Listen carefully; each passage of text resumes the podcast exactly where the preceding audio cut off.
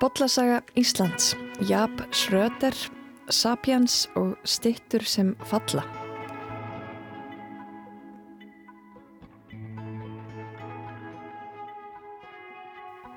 Sigurður Haldarsson, selvoleikari, verður gestur þáttarins. En í skálholti fara fram á lögardag minningartónleikar um hollandska fyrirleikaran Jab Schröder sem um árabil lék á tónlistarháttíðinni í skálholti og hafði mikil áhrif á Íslands tónlistafólk sem að aðhyllist uppruna miðaðan flutning á tónlist fyrri alda. Við heyrum af Schröder í þætti dagsins.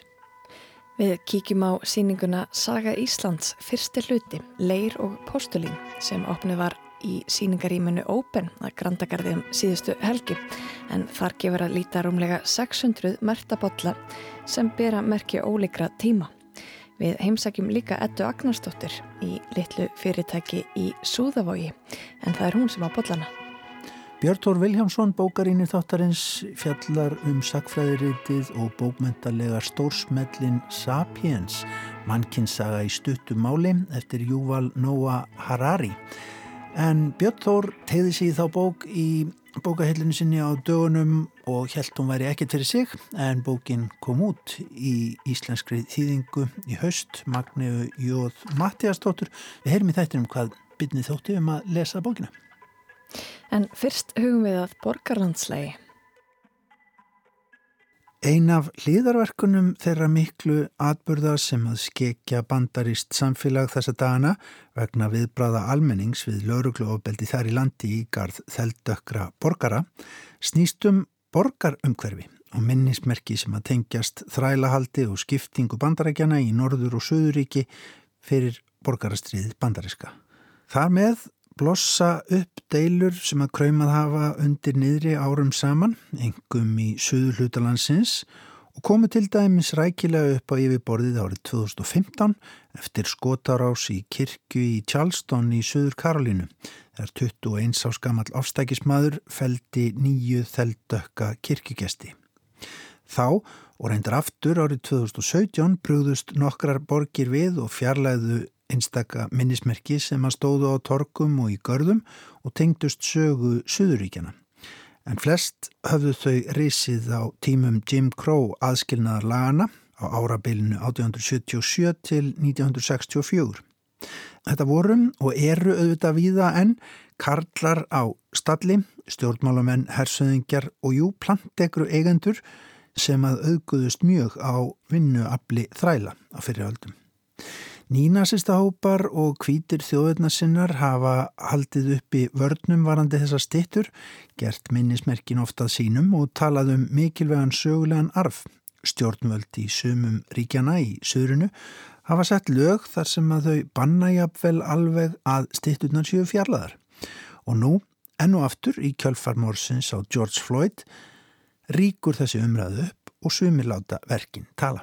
A pretty surreal scene that just unfolded here at Monroe Park about 20 minutes ago as the uh, Williams Carter Wickham statue has been pulled down here in Monroe Park. Now, Wickham was a Virginia lawyer, plantation owner, and politician, as well as, as a Confederate cavalry general. Í bænum Richmond í Virginíum var einn hersuðingi reyfin niður af stalli sínum í almenningskarði nú í fyrradag þar sem að stitta af honum hefur staðið frá lokum 19. aldar.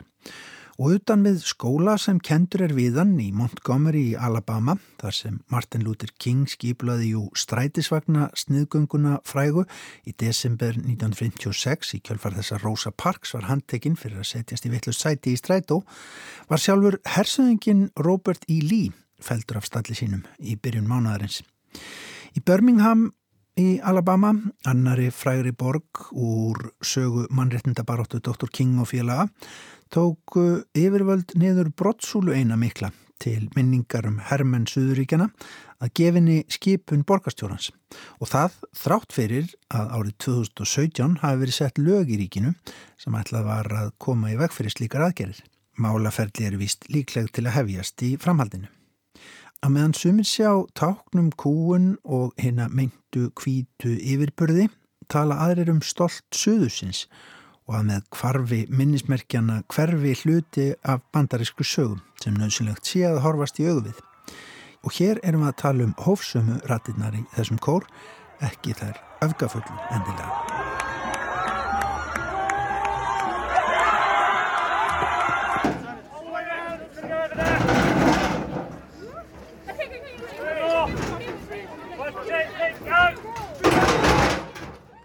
En þessi viðbröð kakvart stittum sem að tengjast þrælahaldi og þrælasölu fyrir alda hafa líka komið upp í Evrópu á síðustu dögum. Mótmælendur í Bristol komist í heimsfréttinnar til dæmis þegar þeir rifu niður af stalli sínum stittu af Edvard nokkrum Kolston á sunnudag, dróðu eftir götunum og vörpuðu í höfnina. Eflaust hafa margir þeirra umgengist stittuna af Kolston árum saman á þess að veldinni mikið fyrir sér en allt í einu var samhengið ljóst og íbúar í fleiri borgum Breitlands er að opna augun hvað þetta varðar. Hi, my name's Laura and I'm going to tell you a little bit of why I see Glasgow differently to the majority of people who live here. When you walk around, whether it's go to dinner, go to work, go shopping, you see street names, you see statues, but what you don't realise is that they're named after the men who own plantations in Jamaica and America. Miðborg Glasgow er þannig stút full af gödum sem kendar eru við menn sem högnuðust á þrælasölu og öldum áður.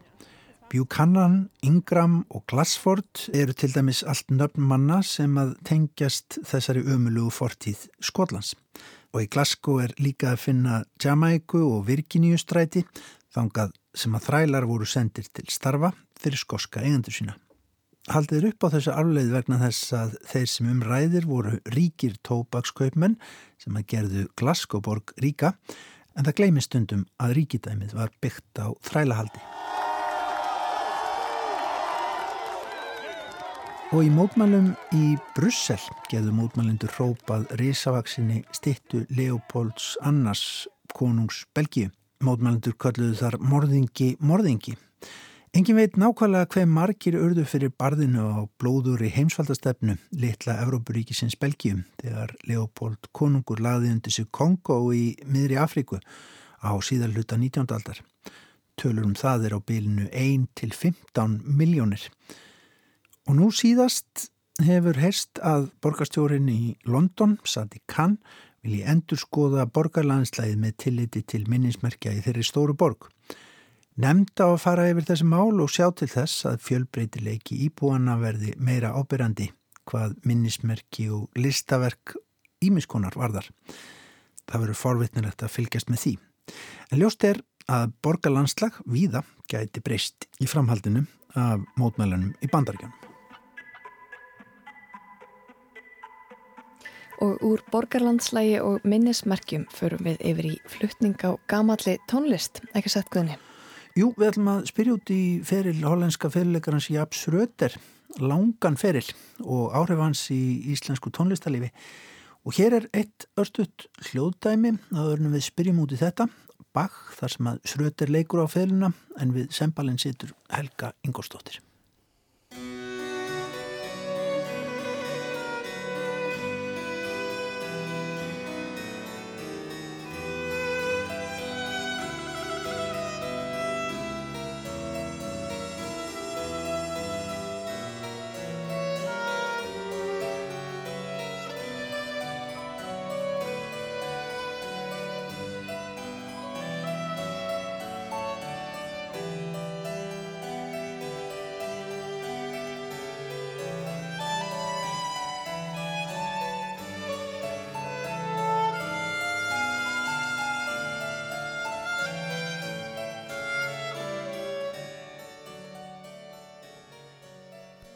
Í Skálhófskirkju á lögadaginn, þann 13. júni klukkan 16 verða haldnir minningatónleikar um hollandska fyrirleikaran Japp Schröder sem að lést 1. janúar síðastliðin og Japp var einn helsti upphásmaður uppbruna miðaðsflutnings í heiminum um miðbygg 2000. aldar.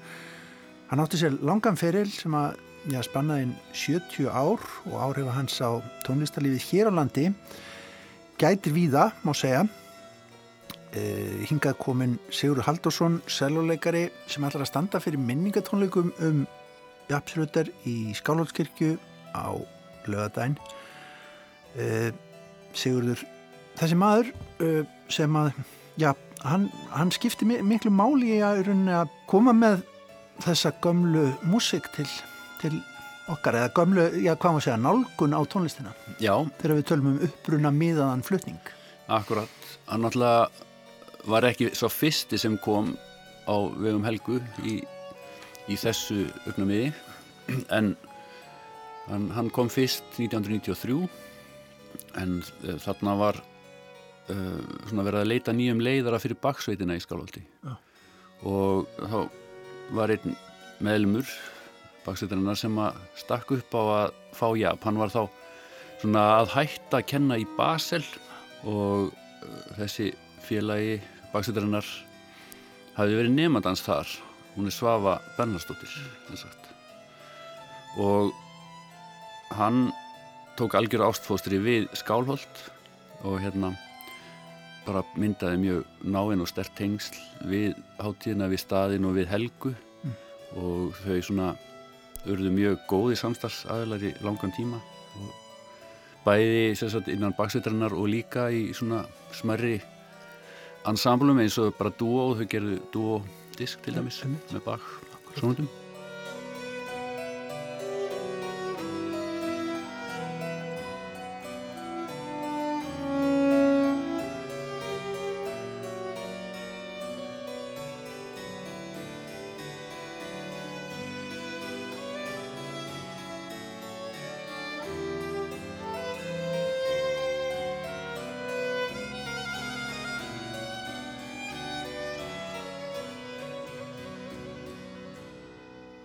Ef við hugsaum að þessum þennan, þessa uppbrunna nálgun á þessa gömlu músik hann kemur úr þessum hollandska skóla þar sem þetta kviknart aldrei mikið þessi nálguna á þessa tónlist. Já sko, það er svona tekur svolítið flugið þar. Mm. hann reyndar kemur úr uh, franska skólanum. Já, hann læriði í Fraklandi en hann læriði líka tónlistafræði þannig hann var svona á þessum námsánu sínum svolítið að vega salt hvort hann ætlaði að fara í fyrirleikin eða hvort hann ætlaði að fara í rannsóknir eða tónlistafræði auðvitað er þetta á þessum tíma alveg mjög góð gott sambland uh, að vera með hann tónlistafræði bakgrunn og síðan þessa hæfileika í, í tólkun og, og hljófræleik mm -hmm. þannig að hann stopnar til dæmis uh, nokkur bönd þarna koncert á Amsterdam og Quadro Amsterdam. Mm en síðan svona kannski enginn er hans fyrir að hann svona verður mjög fljótt alþjóðlegur, lístum, hann verður aldrei í rauninni aldrei almennilega eh, svona superstjarnar í Hollandi eins og sumir kollegar hann sem voru með honum hann í þessu fyrsta kvartett með honum hann að eh, svona upp úr 1960 hann hafi spilað upphæðlega í strengjakvartett hollenska strengjakvartettum sem ungum maður og, og fyrstu svona 10-15 ár fyrirsins en meðfram því þá var þessi vakning að þróast og þetta fylgir alltaf til tíðarandanum og á þessum tíma þá er svolítið mikið svona um, já, maður að segja það, það sem er búið að gerast síðustu kannski 100 árin áður en að þessi vakning byrjar upp á 1950-60 að þá er tónlistin veist, og sérstaklega svona hljóðfæra tónlist orðin svo svona lituð af þessum flytjandum og þeirra personum Já. og þeirra svona personulega stíl hvernig þeir spila eða þær spila Já. og alveg sama hvað tónlista er sem er verið að spila þannig að menn voru meiri sig að taka gamla konserta frá barokktímanum og klassikatímanum og sem voru bara upphæflega að skrifa bara með mjög svona lítilli hljóðfærarsamsendingu og útsetja það fyrir einhverja svona symfóliumastir með brass og trí og öllu og slagverki. 100 manns. Já, til þess að gera það meira grand fyrir sjálfa sig til þess að skína meira sko. þannig að já, til dæmis var alltaf algjörlega fókuseraður á efnið og listina sjálfa og hvernig nálgunin við hana var eða er. Það var kannski segja að hann sé svona mjög mikil svona ímynd eða, eða hérna fyrirmynd. Já, fyrirmynd, fyrir veist þessa, þessa reyfingu alla, bara alla, alla sína tíð sko. Það snýst alltaf um að greina segja, kjarnan frá hisminu í bara því sem þú ert með í nótunum en samt líka auðvitað í sumum tilvíkum skreita tónin ef við tölum um strengjarleik eins og mm. ykkar hljóðfæri selóið og, og, og, og í hans tilvíki fyrlan snýst um að það, þá snýst um að skreita Akkurat. líka tónvefnaðin um, sko hvernig talaði hann um það að nálgast hennan kjarnan vegna þess að tónskaldi skilur eftir eitthvað sem heyrir nótur og bladi síðan er það ykkar að glæða lífi Já, í fyrsta lagi þá held ég að hann var mjög meðvitaður um að sagt, setja sér í spór viðkomandi tónskálds og inn í þeim tíðaranda og þeim, þeirri þekkingu þeir, þeir því samfélagi sem að viðkomandi tónskáld ólst uppi og, og livði í. Já. maður þurft að vita hvernig fólk livði Já og líka, en svolítið ímynda sér líka hvað hva var hanna eða hún að hlusta á Já, tengingar. Já, tengingar, til dæmis sko svona hefbundið repertoar svona sem er reyndar ennþá svolítið svona kjarnin í svona tónlistar hefbundin tónlistarmentun í dag er að svona þurfa að vera eitt bakverk, að þurfa að vera eitt svona Mozart eða hættin eitthvað en svo er hitt svona aðalega 19. öld og kannski 1.20. aldar og þetta er bara eitthvað svona módel sem er búið að vera í veist, 150 ár sko. og þá er kannski, þá er ekkert verið að skoða þú veist, þá ert í rauninni til dæmis að að setja klassík eða barokk inn í samhengi með miklu yngri tónlist án þess að veltaði fyrir sér hvað svona samhengi þessir eldri voru að semja inn í og út frá hvað hefðum út frá hvað svona viðteknu vennjum eða gildum mm -hmm. þeir voru þannig að, að svona hann hugsaði til dæmis sín svona síðustu verkefni hljóðröðunarverkefni svona eða síðasta hljóðröðunarverkefni sem að hann tókst ávið sem að í rauninni er búið að kláraðist að hljóðrita allt en það er ekki búið að gefa allt út og það er ekki búið að klippa allt og svona. Og þetta voru strengja kvartetar og önnur kamertónlist eftir Sjúbert og hann svona leit á það sem raun, svona í rauninni uh, já, raugreitt framhald af hann svona pælingum í klassíkinni í hætin Mozart, hann var sem sagt svo fyrsti sem svona stýrði flutningi á Mozart og hætin með uppruna, eða með periódu hljóðfærum mm. og það var svona e, á þeim tíma þá var periódan aðlega renesans, barokk miðaldir en allt sem var yngra sko var komið í þú veist þetta svona Svona 19. aldar búin Já og í rauninni búið að setja stálstrengina í og, mm. og svona breyta öllu svolítið þannig að Þetta snýst kannski líka svo við nefnum það og, og hérna, auðvitað náttúrulega kannski mismjöndi hvað hérna, hlustendur okkar eru mikið inn í þessum skólum öllum, að þetta snýst líkum eins og nefnir þessa strengi, gatnastrengi. Já, ég menna það er náttúrulega mjög stór partur að því tilfelli strengi að hljóðfara það er ekki bara til þess að vera með einhverja strengi sem voru eins og einhverjum tíma heldur er hljómurinn í gitnistrengjunum og, og hljóðfærum sem eru sett upp á þann hátt með viðendi bógum til dæmis sem að fara eftir í hvað tímabil þú ert að spila að bara hljómurinn er bara í grundvataradriðum allt annar og, og allt aðri möguleikar fyrir hendi í, í rauninni að mynda hljóminn mm -hmm.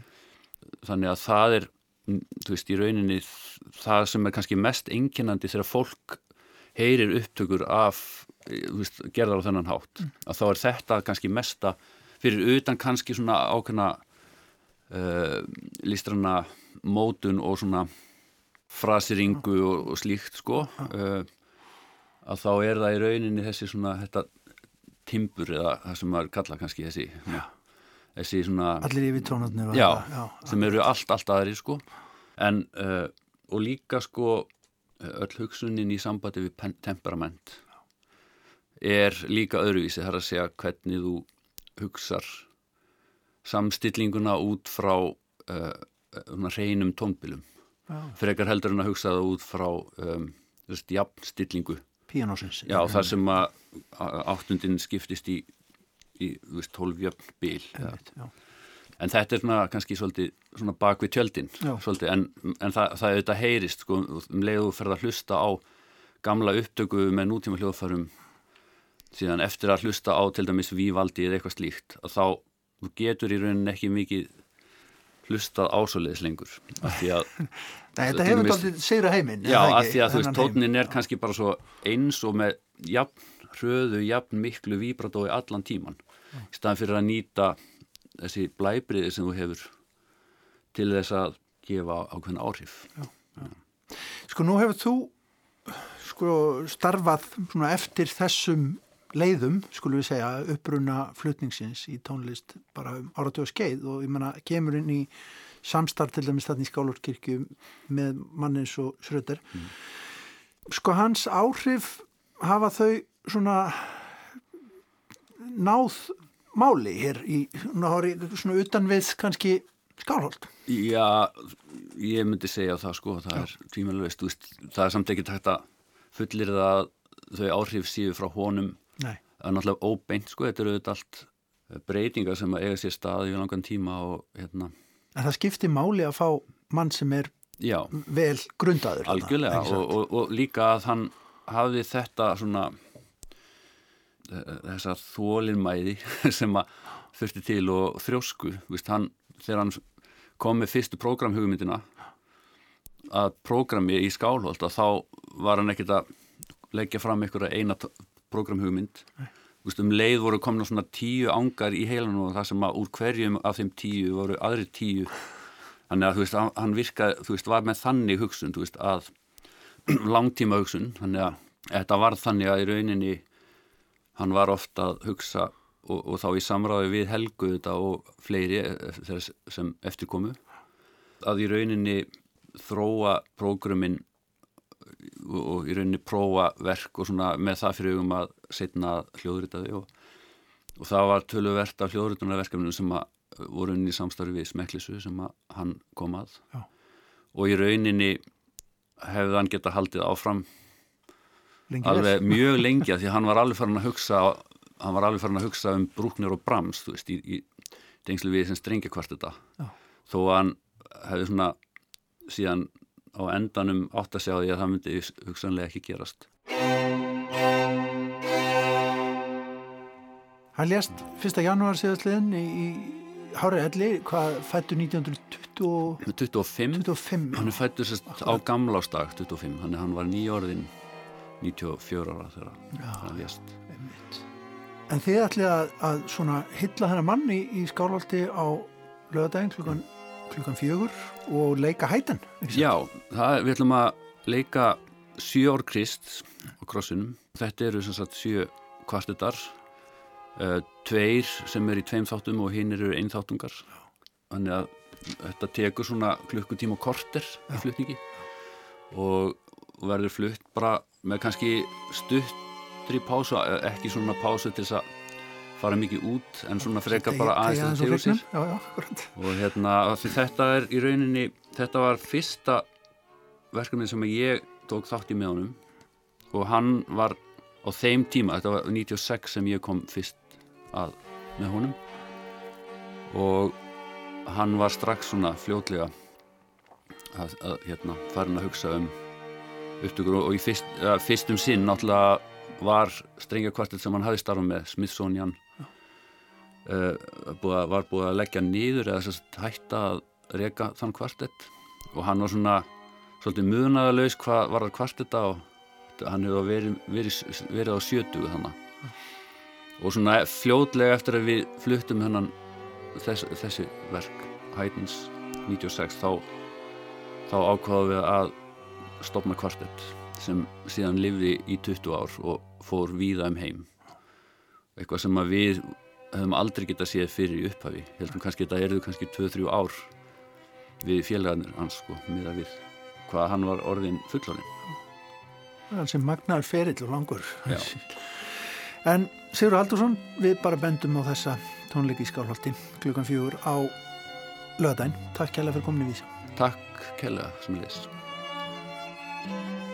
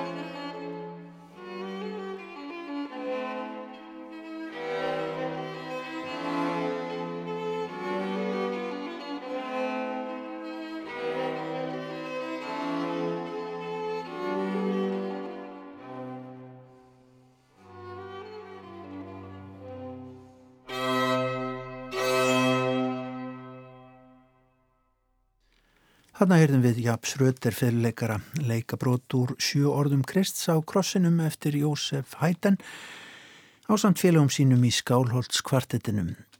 Röð Ingórsdóttir leik þarna á feðlu og Svafa Benharsdóttir á láfeðlu og Sigurdur Haldursson auðvita á sitt sello. Á tónleikum í Skálholdskirkju á lögadag klukkan 16 mun Hildi Gunnar Haldursdóttir leika á samt þeim þremur Sigurði Svöfu og Rudd í kvartetum Hætens en það var Sigur Haldursson, seljuleikari og profesor við tónlistardeild Listaháskóla Íslands sem að sað okkur frá Japp Schröder. En þá yfir í aðra salma, bókmenta gaggrinandi nokkar í Víðsjá Björn Þór Vilhjálmsson ætlar að segja ykkur frá bók sem snertir á mannkynnssögunni, bók sem hann held að væri reynd ekkert fyrir sig. Yuval Noah Harari er ísraelskur sagfræðingur sem kennir við Hebreska háskólan í Jérúsalem. Sérsvið hans er stríðstækni miðalda en fyrir nokkrum árum var ákveðið í deildinans að bjóð upp á engangsáfanga í mannkinsugum frá upphæfi til vorra daga. Námskeið af þessu tægi voru algengari einu sinni en þau er í dag. Þau hafa fallið dálitið úr tísku. Þetta er allt og mikið efni á allt og stuttum tíma, fannst mörgum. Engu er gerð almennileg skil. Það er ætt eins og í höfrungalaupi gegnum alls konar ólíka hluti nema þar sem farið er yfir efnið á hundavaði. Stefnan í fræðunum hefur freka verið að dvelja með ígrunduðum hætti við afmarkað efni eins og fransku byltinguna og skilja þannig við nefendur í missiris lok að þeir hafi djúbstæðan skilning á framvindu byltingarinnar, orsugum hennar og afleðingum en það vildi enginn kenna yfirlit snámskeiðið og verkið fjalla lokum í skaut nýjasta og yngsta liðsmann steldarinnar áður nefnds Júval Nóa Harari. Fyrirlestratnir sem Harari flutti í þessu námskeiði eru uppistaðan í bókinni Sapiens, mannkinnsaga í stuttu máli, sem útkomi fyrra í íslenskri þýðingu Magneu Jóð Mattíastóttur, en óhætt er að segja að bók þessi hafi farið sigur fyrr um heiminn. Frá því að bókin kom fyrst út á hebresku árið 2011 og svo á ennsku þremur árum síðar eða 2014 hefur rittverk þetta verið þýtt á um 50 tungumál og selst í yfir 12 miljón eintökum. Bill Gates telur Sapiens með sínum tíu eftirleitis bókum. Barack Obama bar lesturinn saman við það að berja píramítana í Egiptalandi fyrst augum og höfundurinn er að samaskapi orðin heimstæktur. Eitt kvöldið er hann í kvöldverða bóði heima hjá Mark Zuckerberg í Palo Alto, hitt kvöldið flytur hann 25 mínútna erinda á ráðstefnu og þykkur fyrir það 50 miljón krónur, hið minsta og viljandi leti ég þessa bók fram hjá mér, árum saman. Ef ég á að vera hreinskilinn, þá held ég að mér hafi kannski fundist ég aðeins of góður fyrir hana.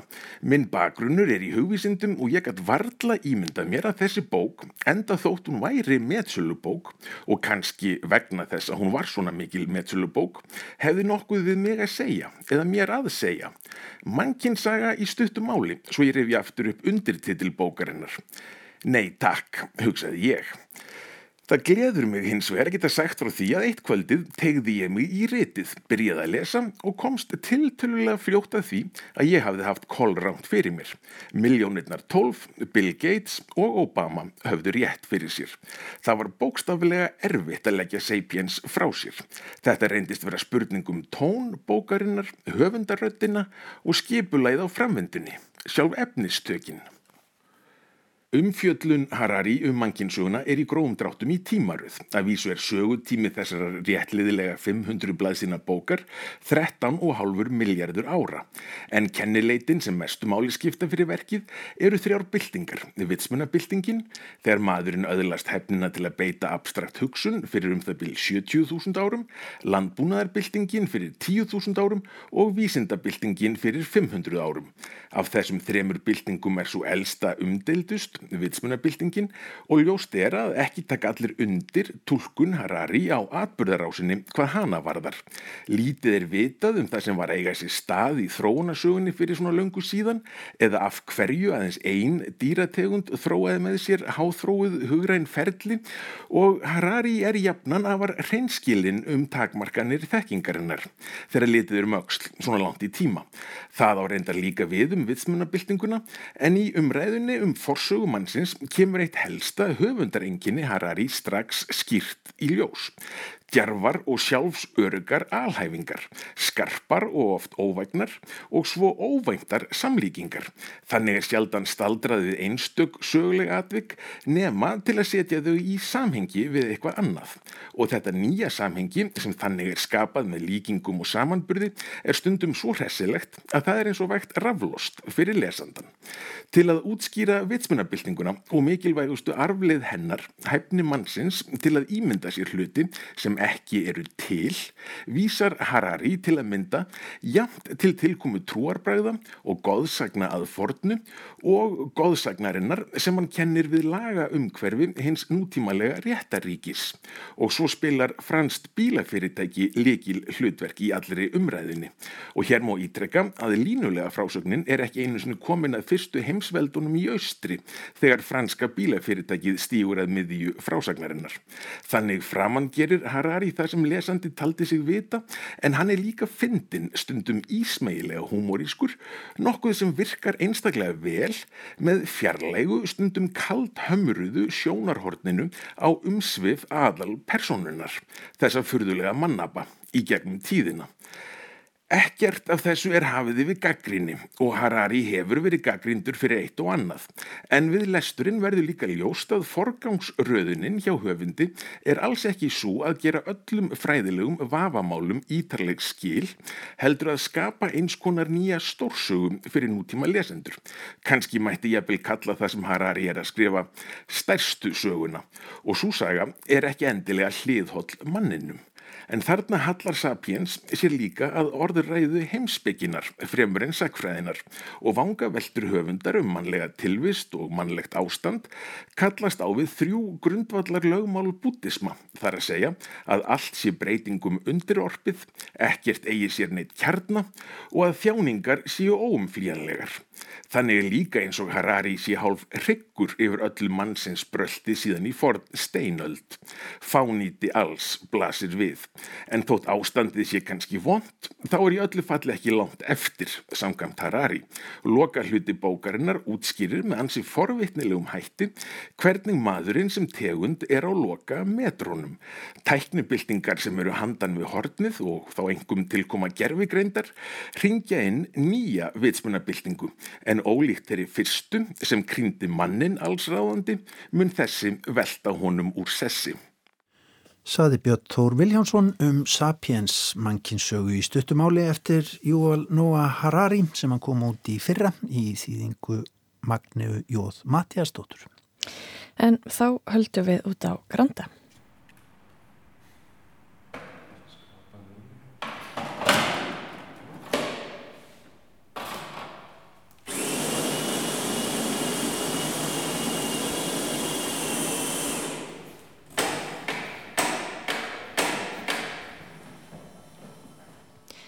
Þetta sem við heyrum hér er kaffevélin í síningaríminu Open, Grandakarði 27. Listamennir sem standað síningunni sem þar var opnuðum helgina tóku á mótum mér og buðu mér upp á einn háverðan kaffi. Það var vel við hæfi þar sem greipirnir sem þar eru til sínis eru kaffibotlar. Já, eða kaffikrúsir, könnur kallaði hún etta þá í leir og postulín.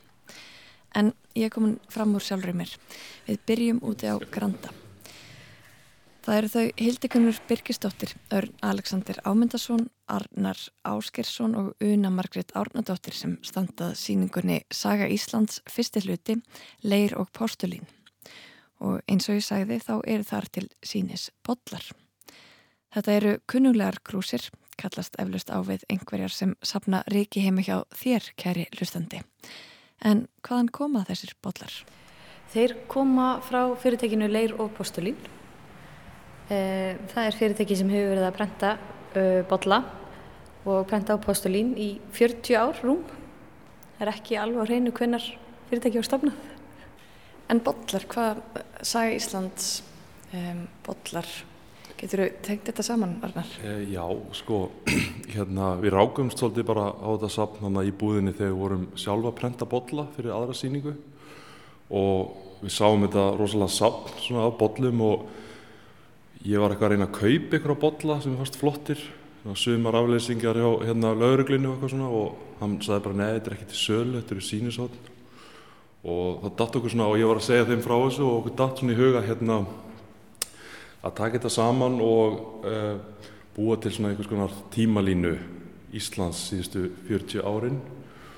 Og það er svolítið svona skemmtilegt hérna að skoða þetta því að þetta er mikið sko fyrirtæki, þetta er mikið hérna lauruglan alls konar stopnarnir, fyrirtæki sem að fara á hausinn, íþróttafélög og líka svona svolítið persónlegi bollar inn á milli sem við vitum ekkert hvað, hvað þeir standa fyrir endilega sko, það er smá erfitt að lesa í þá.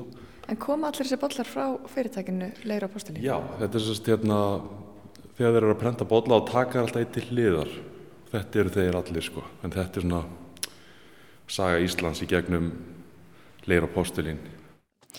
Saga Íslands í gegnum leir og postulinn, sagði Arnar Áskersson. Þetta er sem sagt fundin síning. Það voru hjónin Edda Agnarsdóttir og Jón Þráin Magnússon, eða Edda og Lilli eins og þau eru kalluð, sem settu fyrst upp síninguna í verslun sinni leir og postulinn í Súðurvóginu. Edda sagðist þó ekki hafa hugsað út í listgildi þessara drikkarmála, en ég skauðst til hennar í verslununa og hún tók vel á mótu mér. Hvað kom til að, að þið fóruð að já, vinna við þetta, að merkja bolla?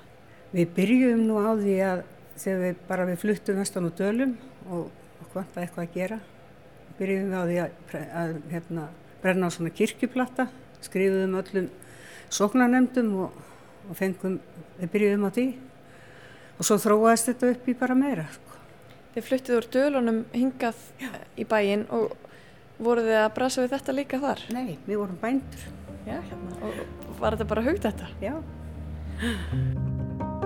Varstu hissa þegar að myndlistarmennir eh, síndi þessu svona mikið áhuga? Ég var alveg steinissa, já. En hann vildi fyrst kaupa, hann Arnar, kaupaði bolla, Þa, það var ekki hægt? Það er ekki hægt að kaupa, nei. Við höldum bara sínisvotni. Hvað er þetta gamli bollar? Hvað eru elstu bollarnir gamlir? Ég þvor ekki að segja að það getur verið síðan 80 eitthvað. 1980 eitthvað. Og, og, hvern, og hvers vegna geymið þið bollana hér svona og stillið þeim upp? Þetta er bara sínisott sem við reynum átt okkur á bara þegar við, eða kemur ný pöntun eða eitthvað svo leiðs og svo er þetta náttúrulega bara söfnunar árátta. Ég frétti að, að þið hefðu svona farið aðeins að hæja á söfnunni. Já. Var þetta orðið svona mikið? Já, þetta var alltaf mikið. Áttu þinn uppáhaldsbolla? Nei, eiginlega ekki. Mér fannst þetta ekki verið smerkilegt eins og krakkarnir sögðu, sko. Það er endar ímislegt fleira til sölu þarna í leir og postulín í Súðavóinu. Fyrir mig var þetta dálítið eins og að ganga inn í hlýðarheim eða einhvers konar efnis yfirleitt. Þarna var samankomið alls konar postulín sem ég hafði séð í mismunandi samhengi en ekki beint velt upprunnanum fyrir mér punnugökuplatin hennar ömmu, hann var þarna þessi með uppskriftinni brentaðri á skálarmertar nammi sem ég mann reyndar ekki nákvæmlega hvar ég sá postulín með útlínutekningum sem hættir að mála litlir skór með gildri merkingu nafn og fæðingadagur postulíns stúdantsúa Þetta eru minjagripir lífsins og sumt kannski heyrir sögunni til Þessa postulíns brúður Er þetta vinsalt í dag? Nei, við bara fengum þetta gömlega lagar sem við kiptum. Það eru bara, eru bara hérna. Og, og ekkert að fara neitt? Nei, ekki, það er mjög hæpið sko. Stórar postulinsbrúður upp á búnar með blundum og fínaríi. Þar eru þarna nokkrar í súðaváinum eins og leikmunir úr gamalli bíómynd.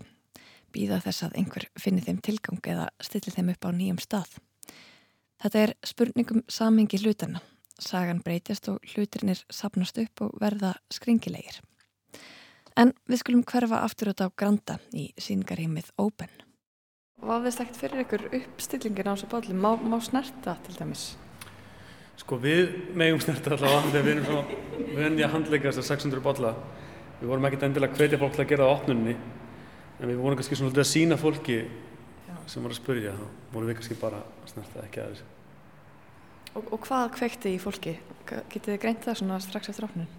Fólk var svolítið að velja uppáhaldsbolla mm gaman að sjá það alla saman uh, fólk sagði já, Pizza 67 og heða, auðvitað Herbalife og eða, þú veist svona, maður er eitthvað svona þetta er svona þetta sýnir manni hvað það er að hérna, eða, hvað þessi þjóð hefur verið að bauka síðustu árin og það er svona samt sumt svolítið svona hjágótlegt og annað skjálfilegt og annað fallegt og þú veist, þetta bara kallar á sömu viðbröð og, og einhvers konar einhver, einhver tímalína að saga seg, gerir sko.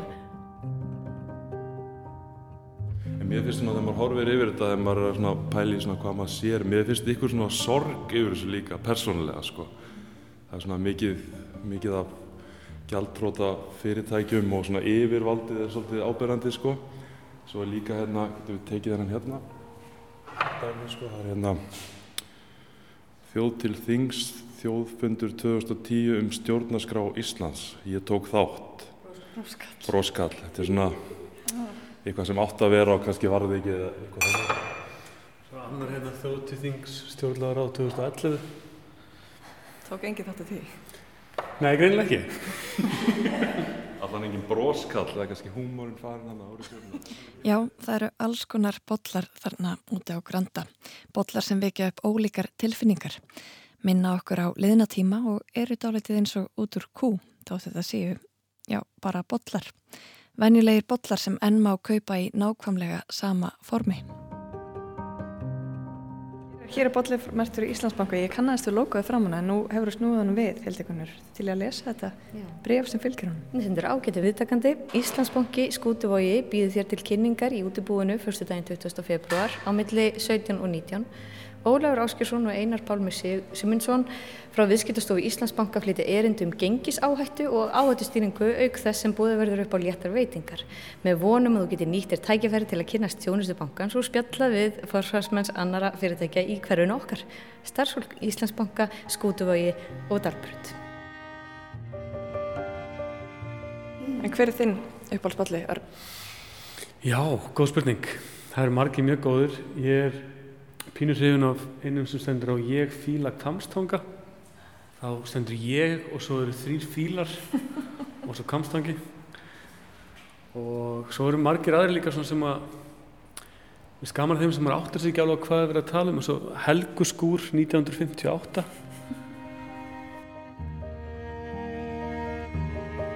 En hvað hva, hva verður til þess að fyrirtæki láta prenta svona balla? Vitið við eitthvað skoða það? Það eru sumir sem að held ég eins og alltaf mis Háma sem er einna háskóli Íslands mötuneytið.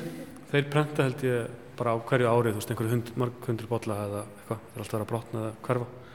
Svo eru svona þessi tækifærisbolla líka sem er svolítið skemmtilegir eins og til hamingi með Gilsfjörðarbrúna. Þannig að einhvers það er. Það er svona einhver móment í sögunni sem að bara... Þetta gerist. Setta bolla? Já. Einhver, einhver á Þingari? Þetta er íþrótafélagi Höfrungur 90 ára, Þingari, þetta fallegur. Svo eru sko svona, svo svona, já það er líka eitthvað svona sem verður svona bælt þegar hlutir eru kominir í bollaform. það er eitthvað svona búið að eima eitthvað niður í eitthvað svona mjög svona uh, almennt svolítið og, og eitthvað, hvað, hvað er það sem fólk ákveður að setja bolla? Já það er þetta einhvern veginn, logoið eða eitthvað svona. Það er eitt sem að vinkuna mín, hún Lani, bendi mér á og hún, hann er til dæmis alveg svona bara, ég skil ekkert tilöfnið. það bara stendur á hann um handbolti, þú veist. Svona, en, en þetta er alltaf áhugavert, eitthvað svona sem er eima niður og, og hérna og stoppar þar. Þetta er kannski einhver uppgjöf líka eða hvað? Setju það á bolla. Ég veit ekki. Nú er þetta komið. Já, nú búið að kjarna þetta. Eins og þetta 50 ára 2015 er svolítið svipaði svipaði bolli stendur bara 50 ára 2015 það er ekkert nafn eða dagsefning Við vorum ykkur svona hugsið yfir þessu formati og við báðum sem sagt uh, 20 uh, einstaklingum og fjölagarsamtökum um að hérna, báðum um að gera bolla í tilöfni þessari síningar. Við gáðum bara listum svolítið frálsar hendur, báðum við bara um að, hérna, að hanna bolla, geta endilega lítið endilega sem listaverk heldur, mm. bara að, að gera eitthvað sem getur passað inn í, eða ekki passað endilega inn í, en bara svona geti verið ykkur svona samtalið við hinn að bollana, safninguna.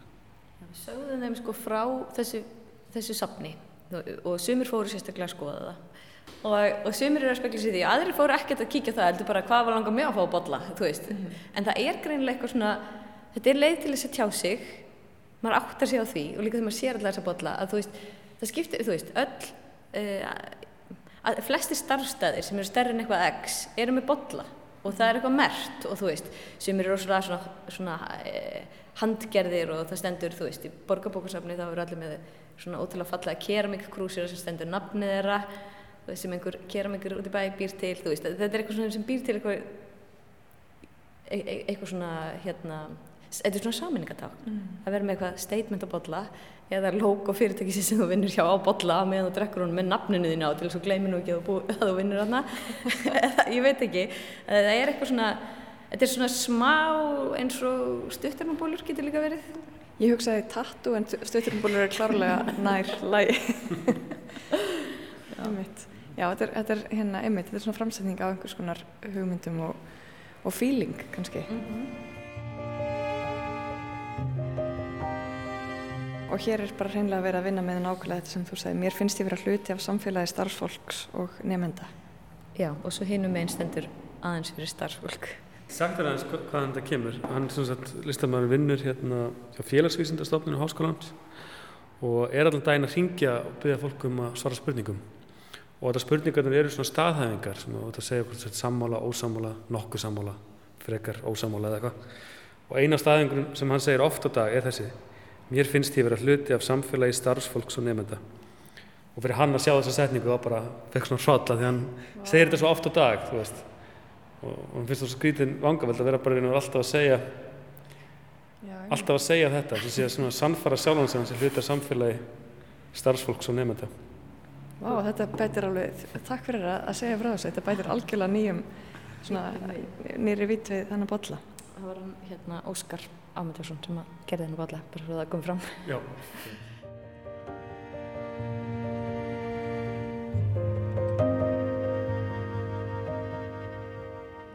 Líka svona pælingin eh, bara um svona neysluhyggju og mínimalisma ofgunótt hvað verður um þess að botla þetta eru er botlanum sem, sem að svona ja, safnar ekki í hátnin á skápunum, ekki sett Jú, og maður finnur það í geimslinu þegar maður er að flytja, þá finnir maður alltaf einhverja botla sem búið að leima hún í einhverja kassa. Akkurat og ef maður er ekki nógu fljótur losið við það, þá öðlast þeir eitthvað skonar eh, gildi. Er það ekki? Jú!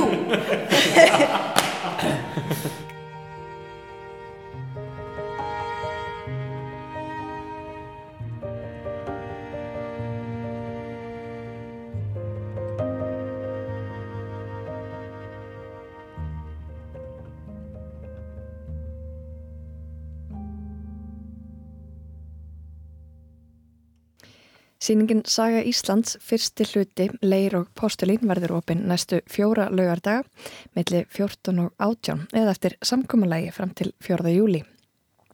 Ég rætti við þau Hildikunni Birkustóttur, Arnar Ágústsson og Örn Alexander Ámundarsson frá Open og auk þeirra hanna Eddu Agnarsdóttur sem hefur mert Postulín í fjóra áratögi allt frá því þau hjónin fluttuði í bæin vestur úr dölunum og ákvaðu að leggja fyrir sig þessa starfskrein sem eflust talaði öðruvísi inn í tíðarandan þá. Guðinni, áttu eitthvað mert postulinn fyrir utan botlan þinn hér í efstaleiti? Sko ég á tvær, hérna, hvað maður segja, kynnslóðir af rúfbotlum með nafnu mínu. En ég hins vegar sko er svo nýskur að ég snerti þær ekkert, ég hef það svona undir penna á borðinu mínu okay. En það líti ég náttúrulega á að þetta fara á þjóðminnarsafnið eftir Já, já, eflust, eflust en þú er samt það nýskur, þú ert nýskur á að nota þær en, en þú ert ekki það nýskur að þú vilt ekkert nota svona botla sem það farið ókjöpis heima Já, já, sko ég hef sko stundum bröðu að fara að koma með svona einhvern hérna, ég kom til dæmis með svona fínan, fínir í hérna, svartan múminpappa bótla hingað einu snni. Hún hefur verið stólið. Hvarf, sko. Ég, ég er enn að leita að söku dölknum. En nú er ég hérna með mjög fallan bláan bótla sem að eistneska útvars, útvarpið gaf mér. Þetta er klassiska útastöðin hjá eistneska útvarpinu, klassika radjó. Ég heyri að, að þú ert svona maður sem, að, sem leggur metnað í botlavalið. Já, þetta, þetta segir svo margt um hann. Einmitt, þetta er eins og að fá sér húðflúr. Þetta er bara þetta sama, sama eins og líka þegar fólk er heima á sér og gerir sér damun sko frá virkundöfum og yfir á helgi að þá tekur það fram alvöru, alvöru postulín kannski sko, og, og betri skapna. Sko. Algjörlega, þetta er nákvæmlega eins. Já, þetta skiptir máli. En þetta hljómar áhugaverð síning. Þetta var frábær síning og svona einhvern veginn um, kveikti í einhverju alveg nýju, þetta er svona einmitt svona fundin, fundin síning Já. og svona vakti áhuga manns á svona mörgum um, stigum og, og rosalega gaman að spjalla við þau líka sem að þekka sögu bollana og svona voru búin að skoða báðar hliðina þeir maður náttúrulega stilt sko upp, upp í vegg þannig að það voru svo gott að vera með þeim sem að hafa leiði til að taka það niður á sína hína hliðina. Einmitt, einmitt. En síðan eru líka bara, er þetta að skoða söguna og svo mismöndi hátt og, og þetta skiljum við eftir okkur svo mikið magnaf heimildum í alls konar formi sem við hugsaum aldrei úti. En sko svona, einmitt svona minnjagreipir kveikja bara á einhverju svona e, e, einhverju stíi sögunar sem maður hugsa ekkert úti. Nei. Bara postulinn, bara BT, ég hún að kleima BT búðinni en þarna er botlið frá BT. Já. Betri tölfur, hérna var það ekki steytingin? Já, jú, gott vekki. Og, og, og engin smá fjöldi, 600, maður þetta, en þetta er náttúrulega áratúa saga. En þetta eru 600 bollar og það, það eru til fleiri útgáð eða svo fleiri eintök af en, þessum bollum sem, og hvar eru þessi bollar í dag? Marki brotnir en, en einhver er einhver starf. Hmm. Svona er þetta, það er að hljóta, hljóta að vera verðmændi í þessum svo öðru. Já, þetta hmm. voru svona bollalegningar í, í lok þáttar. Já, við ljúkum ekki vísi á svona í dag á getur hlustendur eh, verðum hér aftur á morgun klukkan 16.05. Takk fyrir að hlusta.